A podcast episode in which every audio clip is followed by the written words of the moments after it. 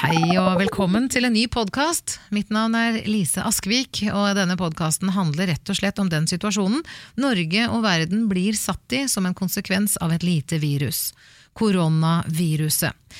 Vi skal forsøke å følge med både i enkeltmenneskers liv og i myndighetenes gjøren og laden. Vi skriver i dag onsdag 11. mars, og nå har det nettopp kommet inn melding om at det innkalles til pressekonferanse i Oslo rådhus fordi man øker eh, beredskapen til nivå tre. Vi får se hvordan det går med resten av landet. Vi skal nå aller først møte en dame som allerede forrige uke bestemte seg for å ta sin sønn ut av skolen.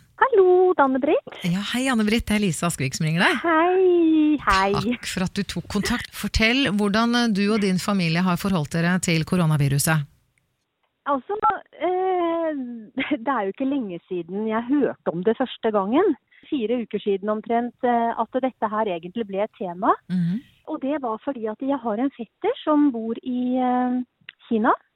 Han er gift med en kinesisk dame, og de har to små barn. Og så var det rett og slett et sånn fortvilet rop om hjelp til å få tak i munnbind. For det var ikke flere munnbind å få tak i i Kina? Nei, og så fortalte han også at myndighetene de, de, de, de blir stjålet og underslått, og det blir overpriset, og det er eh, veldig store utfordringer med å få tak i munnbind. Og så fikk jeg tak i fire esker eh, på et e-apotek, det var det siste de hadde. Og det sendte jeg til han i Kina. Altså På det tidspunktet så var dette så fjernt fra Norge. Vi snakker fire uker siden. Det var Mm. helt liksom, utenkelig at jeg skulle komme her. Og så, på fire uker, eh, så er situasjonen slik den er i dag. Nå er det nesten ikke munnbind å få tak i i Norge heller. Nei, nei, du får ikke eh, Nei. Og de meldingene han har sendt til meg, eh, fortalt han er rolig og sånn. De, de sitter i karantene. Det er tvungen karantene der. Det er store underrapporteringer, og det er nesten litt sånn skremmende for meg å begynne å komme med tall, for jeg tenker at det, det vil skremme kanskje veldig. Men vi må ta det på alvor, og det er det han har bedt oss om å gjøre her. Ta det på alvor. Hva mener han konkret med å ta det på alvor?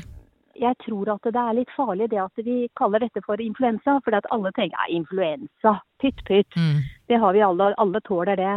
Dette er ikke en altså, det er jo ikke et vanlig influensavirus. Dette er en lungesykdom. Med influensalignende symptomer?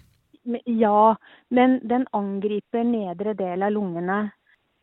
Altså, de, det er stor underrapportering, ifølge han. Stor underrapportering der I. Kina, men tror du det er det i Norge òg? I Kina, det, altså, sånn som det er per i dag, så er det jo holdt på å si, eh, veldig mange som eh, går rundt her rundt oss eh, som enten vet de er smittebærer eller kan være det, eller som ikke vet det. Så ja, jeg tror at dette i løpet av da altså når det er, Jeg vet ikke om det tar en til en uke, 14 dager, men at det kommer til å bli å si, eksplodere, det, det tror jeg kan skje. Så hvilke forholdsregler har du og familien tatt i forhold til den kunnskapen dere mener å inneha om virusets natur? Ja, altså Hos meg så har jeg en, eh, min mor boende, hun er snart 80 år. Eh, Jeg ønsker ikke denne virusen i huset. Og eh, jeg syns det er en veldig stor utrygghet at alt vi ikke vet. Eh, om noen uker, måneder, så vet vi mer. Vi vet mer om viruset, hvordan det vil eh, forløpe, eh, sykdomsforløp osv. Det gjør vi ikke per i dag. Derfor så ønsker jeg å utsette det så lenge som mulig. Jeg syns vi har en eh, særdeles Så langt har det vært en tafatt eh, ledelse du, i landet her. Eh, det skaper frykt. Men noen vil jo si at det skaper frykt hvis de hadde satt folk i karantene for tidlig også. Det er jeg ikke enig i. Altså, de, ja, du kan si at det er sånn som med eh, karantene i dag, det er frivillig basert. Vi stoler på folk. Nei, vi kan faktisk ikke stole på folk. Fordi at folk i karantene, de drar på kjøpesenter, eh, de drar eh, i eh, Altså, de, de er jo overalt. Men nå har de innført bøter, da. Og mulig til og med fengselsstraff. Ja, men det er for sent. Det er for sent. Det er rett og slett for sent. Mm. Eh, Det er bare å sjekke de tallene fra dag til dag. Det jeg har eh, tenkt, det er eh, Jeg mener altså Nå snakker vi om at eh, 500 mennesker samlet er for mye.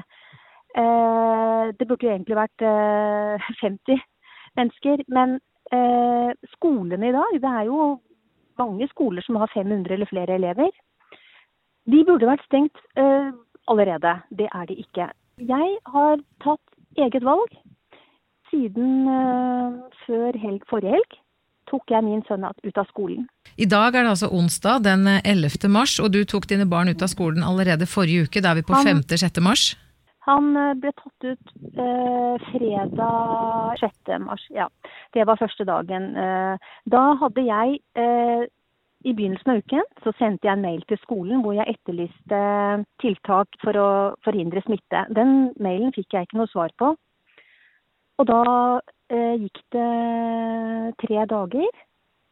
Og så ser jo jeg at eh, smitteantallet øker rundt her, og også at det har vært skoler som har vært berørt. Da ringte jeg og etterlyste det på skolen, og da eh, drev de og satte ut noe antibac og noe greier da.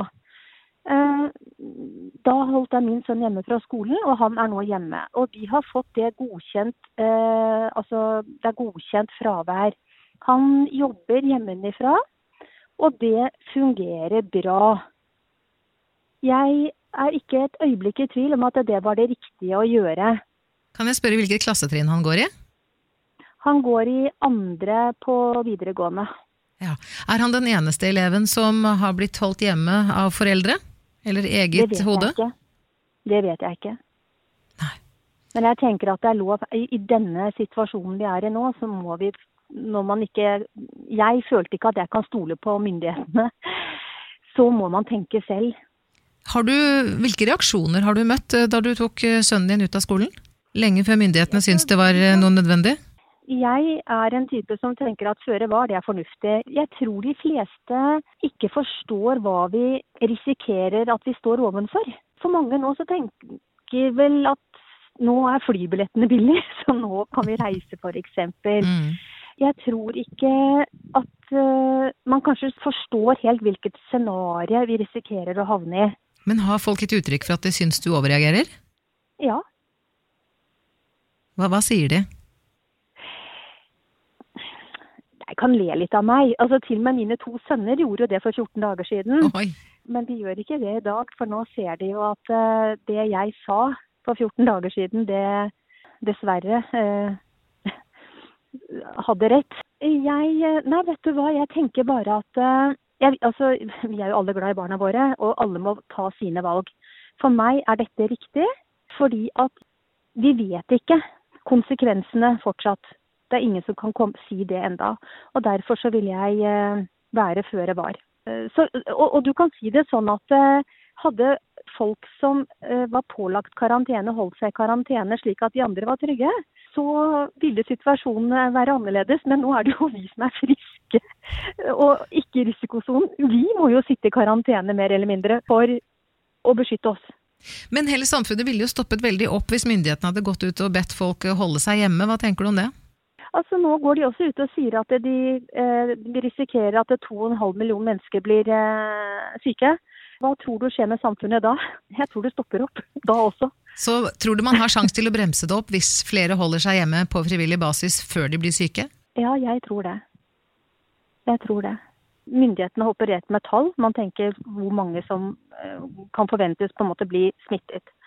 Og så vet vi en slags prosent av hvor mange som da vil ha behov for legebehandling, intensivbehandling osv. Og, Mm. og når du begynner å regne på det, det er så enkel matte. Du kan glemme å få hjelp. Dette slår til for fullt eh, på en gang, kan man glemme å få hjelp. Og nå leste jeg også at i Italia, så hvis du er over 40 år, så kan du ikke forvente å få hjelp. Over 40 år, ja. Ja, Oi. Jeg trodde det var over 60, Fordi for det sa de på TV i går, på tirsdag. Den, ja men uh, dette forandrer seg fra dag til dag. ja. Mm. Dette forandrer seg fra dag til dag. Som sagt, i dag Ja. er det onsdag, første gang jeg nå snakker med deg. Eh, Vi vet ikke helt når denne podkasten kommer på, men jeg lurer på om vi skal avtale at vi tar en prat. eh, Om det blir på fredag eller om det blir på mandag. Høres det ok ut, Anne-Britt? Mhm. Det høres ok ut. Eh, vi gjør det beste ut av det, og vet du hva? Det er ærlig talt to-tre uker av livet. Det er helt Det tåler vi. Det Tror du dette gir seg etter to-tre uker? Nei, men da Det jeg prøver å si er at hvis eh, så mange som mulig hadde holdt en sånn karantenetid i en to til tre uker, så hadde vi greid å begrense dette her. Tusen takk for din tid og oppmerksomhet. Dette var første episode av Koronapodden. Om du er i karantene eller på vei hjem fra jobb, vi høres igjen i morgen om du vil. Hold deg frisk!